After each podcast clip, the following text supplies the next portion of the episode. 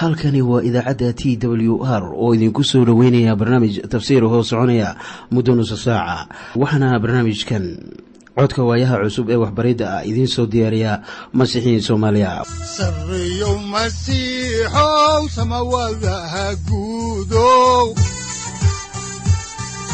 Siraadkii adduunkow subanaha eebow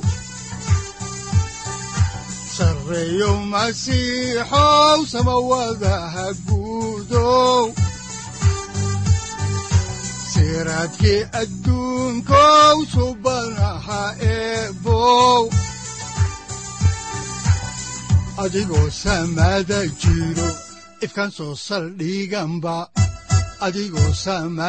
jiro ifkan soo saldhiganba kutubtiisanaye unogu saaciiday sharxin sifahaaga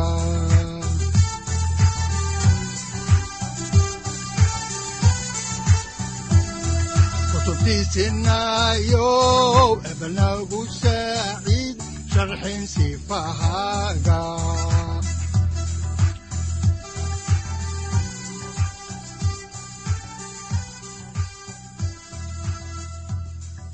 mar kale ayaanu dhegeystayaal idinku soo dhoweyneynaa barnaamijka. Markii inoogu dambeysayna waxaanu soo gunaanadnay cutubkii saddexaad ee kitaabkii tirintii waxaanan aragnay in muuse uu soo xusuustay in uu tiriyo curadadii reer binu israa'iil. Waxaana ay noqdeen balse inta aynan horey idiinku sii wadin amaynaan horey u sii socon aynu wada dhegeysanno khasaa'id ay inoogu luuqeeyaan culimo soomaaliya oo weliba masiixiyiin ah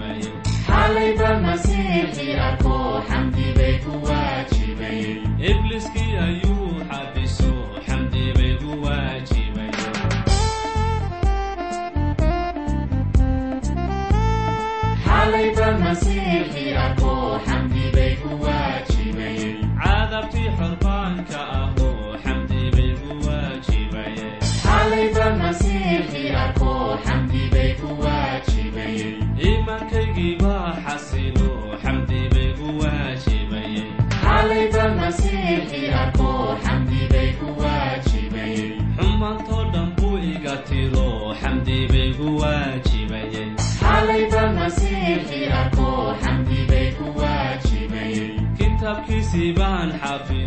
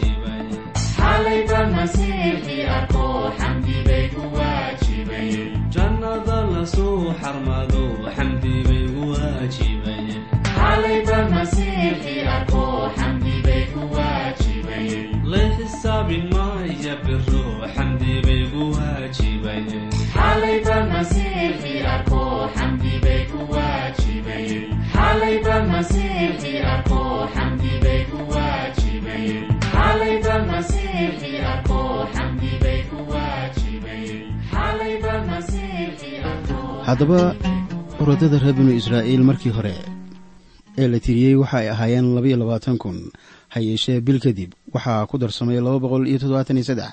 Dadka qaar ayaa la noqonaysaa intaasi ay tahay khilaaf laakiinse ma ahan ee waa isbeddel ku yimi tirsigii hore haddaan intaa ku soo koobno haddaba meeriska cutubka saddexaad ayaan si dawaaliya u gelaynaa haatan. Cutubka afraad ee kitaabka tirintii oo ah kitaabkii afraad ee addoonkii rabbiga ee muuse ahaa uu qoray. Mawduuca cutubkan waxa uu ka hadlayaa howsha ay leeyihiin wadaadada marka ay ka dhex adeegayaan taambuugga rabbiga. Haddaba saddexdii qabiil ee reer laawi mid waliba waxa uu lahaa howl u gooni ah oo uu ka qabanayo taambuugga rabbiga cutubkan waxa uu inoo sheegayaa kan loo adeegayo nidaamka howshooda iyo inta qabiil waliba howsha kaga qayb qaadanaysa.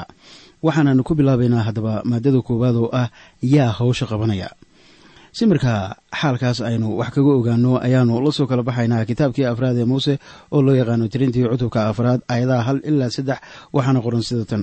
Markaasaa rabbigu muuse iyo haaruun la hadlay oo waxa uu ku yidhi reer qohaad qoloqolo iyo reerreer ugu soo tiri ama uga soo tiri reer laawi intii soddon sannadood jirta iyo intii ka sii weyn ilaa tan iyo konton jir.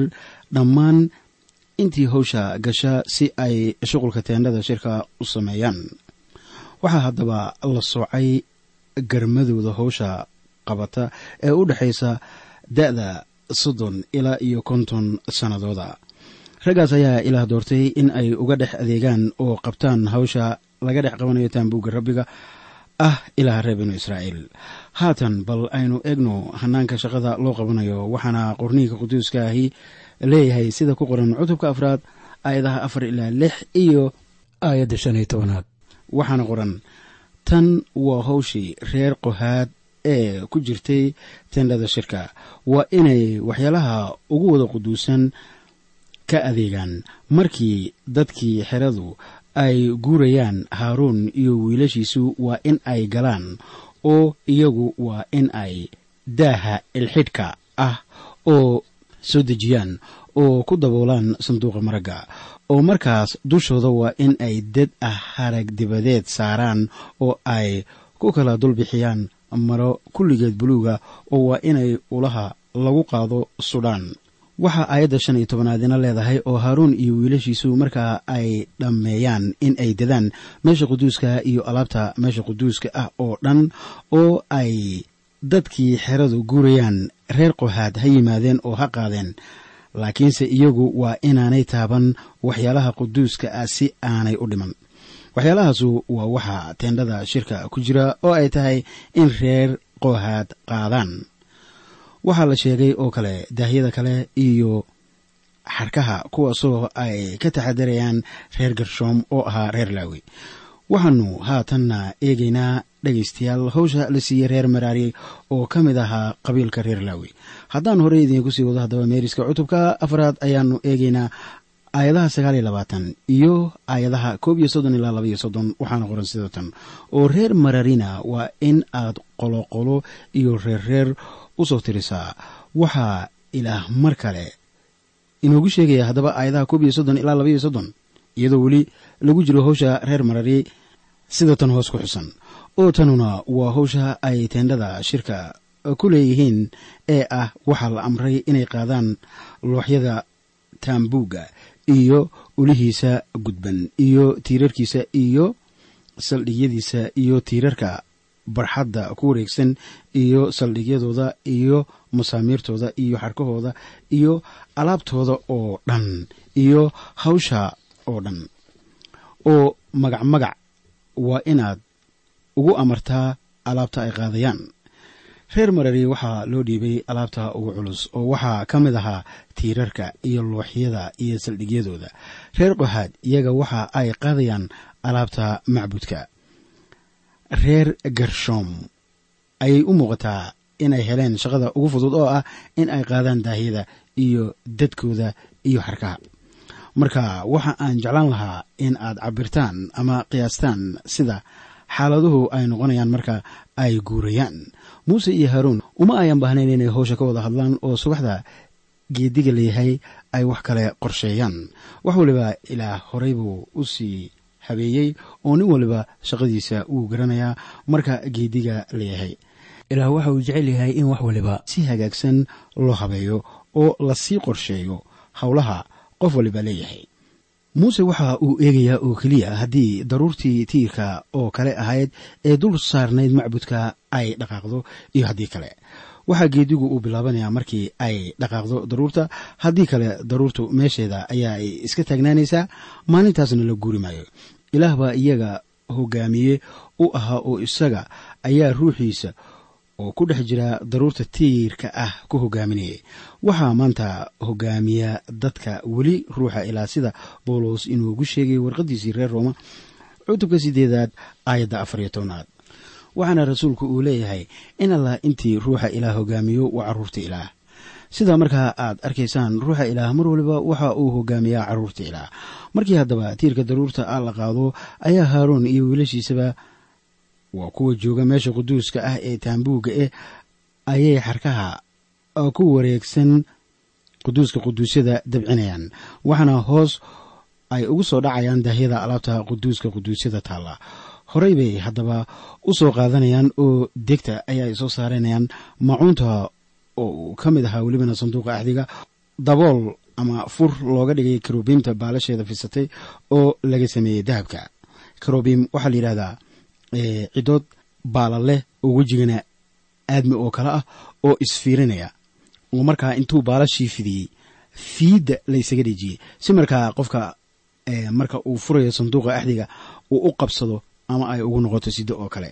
Waxaa halkaa geli jiray haddaba wadaadka sare oo keliya sanadkiiba mar waana maalinta loo yaqaano yom kibuur waa maalinta wadaadka sare intuu galo quduuska quduusyada uu dhiig ku rushaynayo kursiga naxariista waana maalinta dembiga dadka reer binu israa'iil oo dhan la bixiyo. Haddaba wadaadka sare iyo wiilashiisa ayaa hawsha iska leh. Marka haddaba hawsha duubista taambuugga qaybtiisa quduuska quduusyada la soo dhammeeyo oo alaabta laysku duwo ayaa waxaa imanaya reer qaxaad markaasay qaadayaan maacunta waxaase horkacaya wadaadada sida sanduuqa axdiga waxaana iyaga qudhoodu ay dhowrayaan halka daruurta taambuugu ay iyagu u hogaamiso. Haddaba dib baynu kaga falanqoon doonaa sida marka ay guurayaan loo socon jiray. Qabiilqabiil ayaa ay u socon jireen ama ay isugu xirnaayeen. Waxaana horkici jiray qabiilka reer laawi iyo wadaadada iyo ilaah. Markii haddaba la gaaro fiidnimada waxaa idinka yaabanaya inta haddana ay hakadaan inay sidii hore u dhisaan taambuugga dadkuna ay dhistaan meelahooda iyadoo oo ay isku wareejinayaan taambuugga qolo waliba dhinac ayaa ay ka jiraan taambuuggooda oo taambuugga shirkuna dhexda ayaa uu ku jiraa oo qof waliba shuqulkiisa wuu garanayaa. Haddaba marka la degayo tan koowaad ee ay samaynayaan waxa weeye sanduuqa axdiga ayay horta dhigayaan. Markaasaa sidii hore haddana loo qotominayaa oo kor oo laga dul dhisayaa hargihii iyo daahyadii iyo dadkii iyo looxyadii iyo tiirarkii iyo saldhigyadii. Markaa kadib ayaa haddana la dhigayaa maacuuntii kale ee macbudka markii maacuunta meelihii ay kala lahaayeen la dhigo ayaa lagu wareejinayaa daaha macbudka oo sidii hore ayaa laysugu xirxiraya oo waxaa macbudka laysugu xirxiri jiray isla sida soomaalidu ay isugu xirxiraan ee aqalkooda baadiyaha oo udbaha iyo dhigaha meelaha ay kala gelayaan waa la yaqaanaa oo si fudud ayaa la isugu dhejinayaa marka reer ku dego. Haddaan tusaale idinka siiyo haddaba beryihii hore waxaa jiri jiray scouting wax layidhaahdo oo dhallinyarada waxa ay aadayaan meel ka baxsan gurigooda waxaana la siin jiray sariiro baranda ah waxaana ay u deganaanayaan fasal fasal iyo dugsi dugsi iyo degmo degmo. Waxaa la siinayaa sariiro baranda ah waxaana la dhisanayaa tendhooyin mid ka mid a tendhooyinkana waxaa degaya cunto karayaasha kuwana macallimiinta kuwana ardayda kuwana horjoogayaasha. Markii haddaba aad eegto sida loo degan yahay iyo sida wax loo wado waxaad arkaysaa in qof waliba waxa laga doonayo uu samaynayo waana wax xiisad iyo xamaasad badan in laga qayb galo scoutinka haddaba markii reer binu israa'iil ay yimaadaan xerada ayaa la mid ahayd sida scoutinka inkastoo welibana ay wax badan kala duwan yihiin reer qoxaad ayaa keenaya haddaba maacuntii markaasaa reer mararina keenayaan looxyadii iyo saldhigyadii iyo tiirarkii dabadeetana reer garshoom ayaa keenaya daahiyadii iyo dadkii iyo xarkii. Marka ugu dambaysana wadaadka sare ayaa ilxidhka soo bixinaya oo ka laadlaadinaya halka u dhaxaysa meesha quduuska ah iyo quduuska quduusyada. Waa wax xamaasad badan haddaba reer binu israa'iil oo degan xeryahooda in aad dusha kore ka aragtaan isla sidii bicoor. Markii uu kor ka arkay xeryihii reer binu israiil waxau yidhi oo teendhooyinka reer yacquub qurux badana. Sida ku qoran isla kitaabkan tirintii oo aanu ku arki doonno cutubyada toddoba labaatan ilaa iyo siddeed labaatan. Isla sida haddaba reer laawi shaqo u gaara ay u haystaan sidaas oo kalea masiixiyiintuna leeyihiin howl u gaara oo ay tahay inay sameeyaan ama u qabtaan ciise masiix iyo kiniisadda kaba soo qaad in wadaadka hawsha ilaah wada. Isku odhan lahaa maalin maalmaha ka mid ah. Aniga shaqada culayska badan ee aan wado dooni maayo. Waayo ninna iguma ammaano ninnana iguma dhiirageliyo ninnana wax gaara iguma siiyo. Habase yeeshee weligood kama hor imanin shaqada ilaah. Weligii cidina kuma ammaanin shaqada ilaah uu u wado. Isla sidaa oo kale la dooni maayo haddaba in la gunuuso oo la qayliyo oo la dacwoodo. Haddii aad aragtaan in aan cidina dhankiina fiirinaynin kuwiina soomaalida ee masiixiyiinta isku dhiiba masiixa hana welwelina ee ilaah ku kalsoonaada. Saaxiib waa kuma kan howlaha ilaah ku ad adag oo hawsha ilaah muhiim u ah maanta.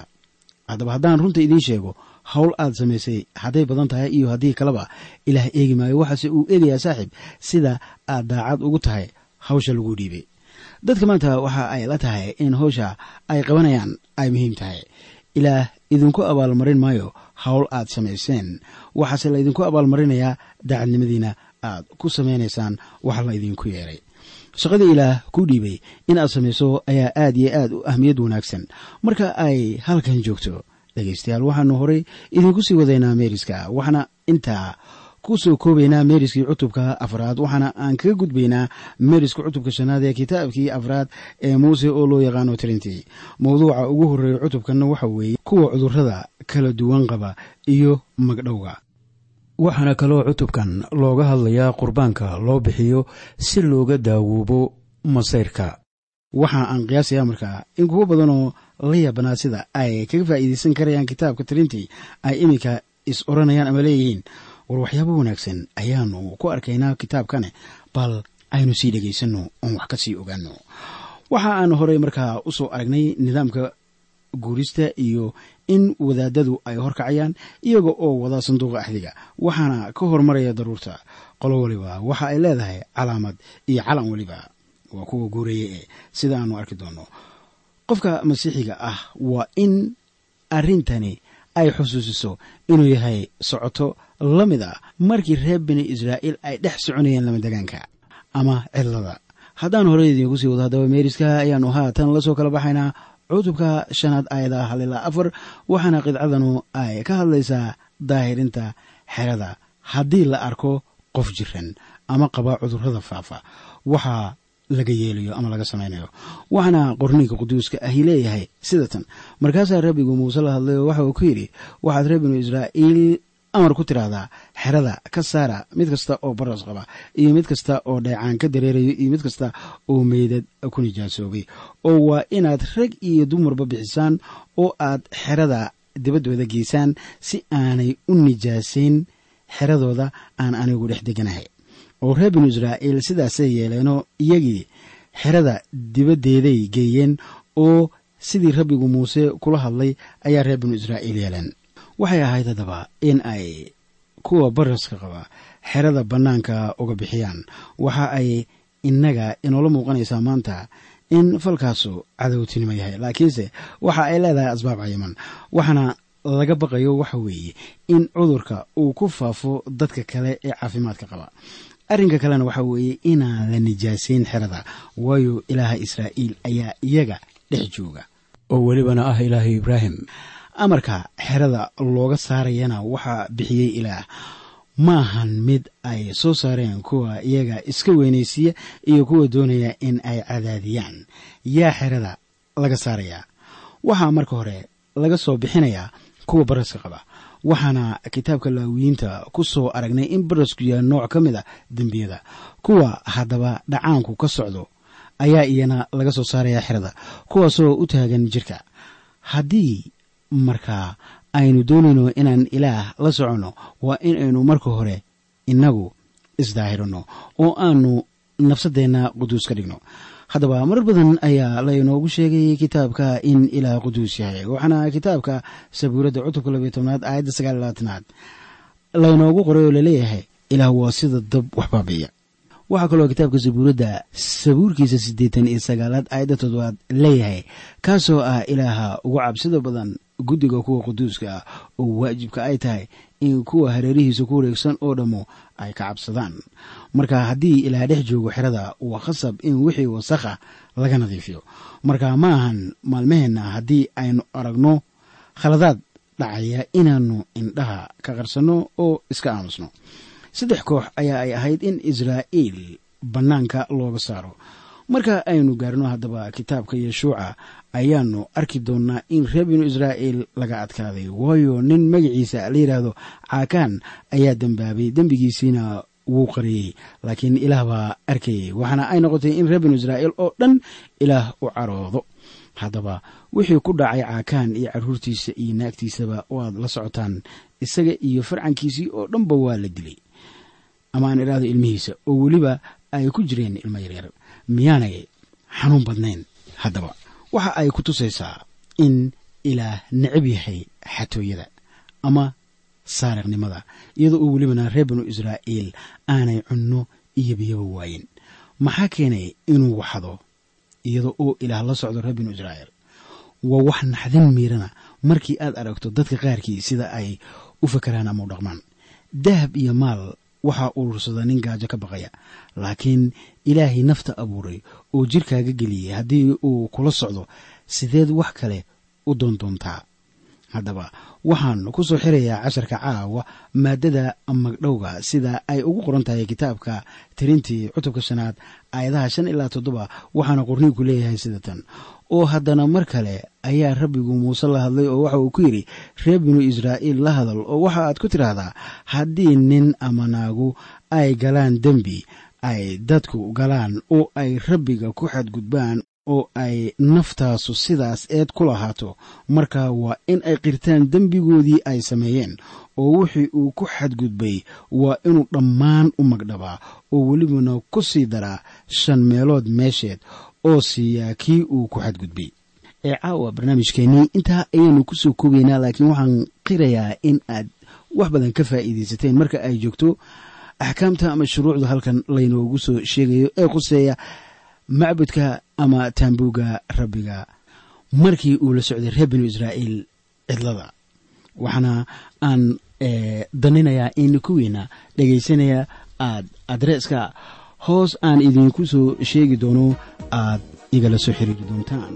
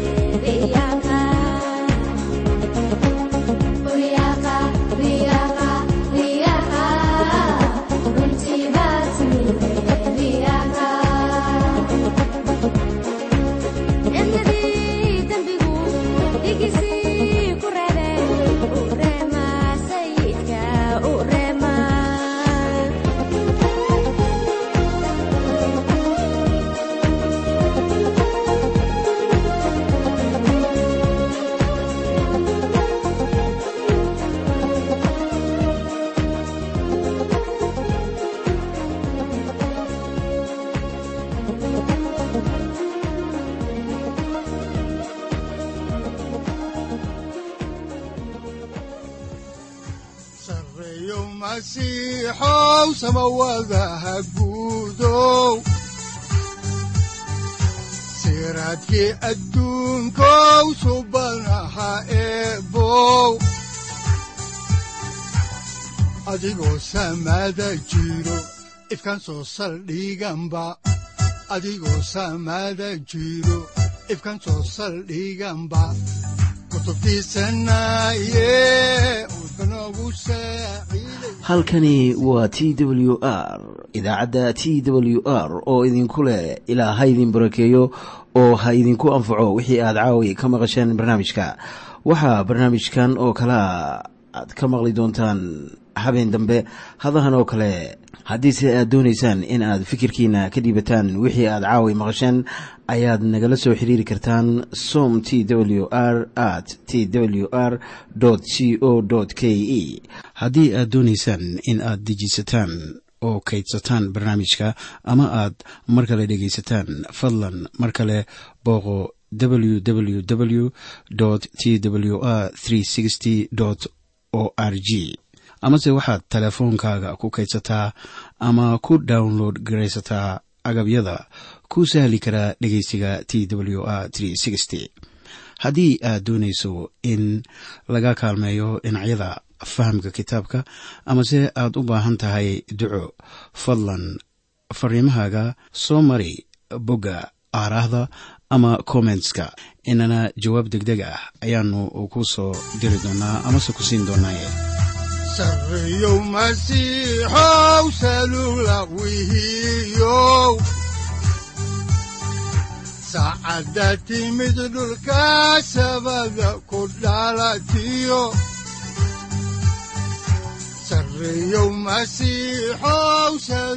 halkani waa t w r oo idiin rajaynaya habeen baraare iyo barwaaqaba leh inta aynu ka gaari doono wakhti aynu ku kulanno barnaamij la mida kan caawayay aad maqasheen. Waxa aan idinku leeyahay nabadda ciise masiix ha idinku badato xagga jirka iyo ruuxaba. Aamiin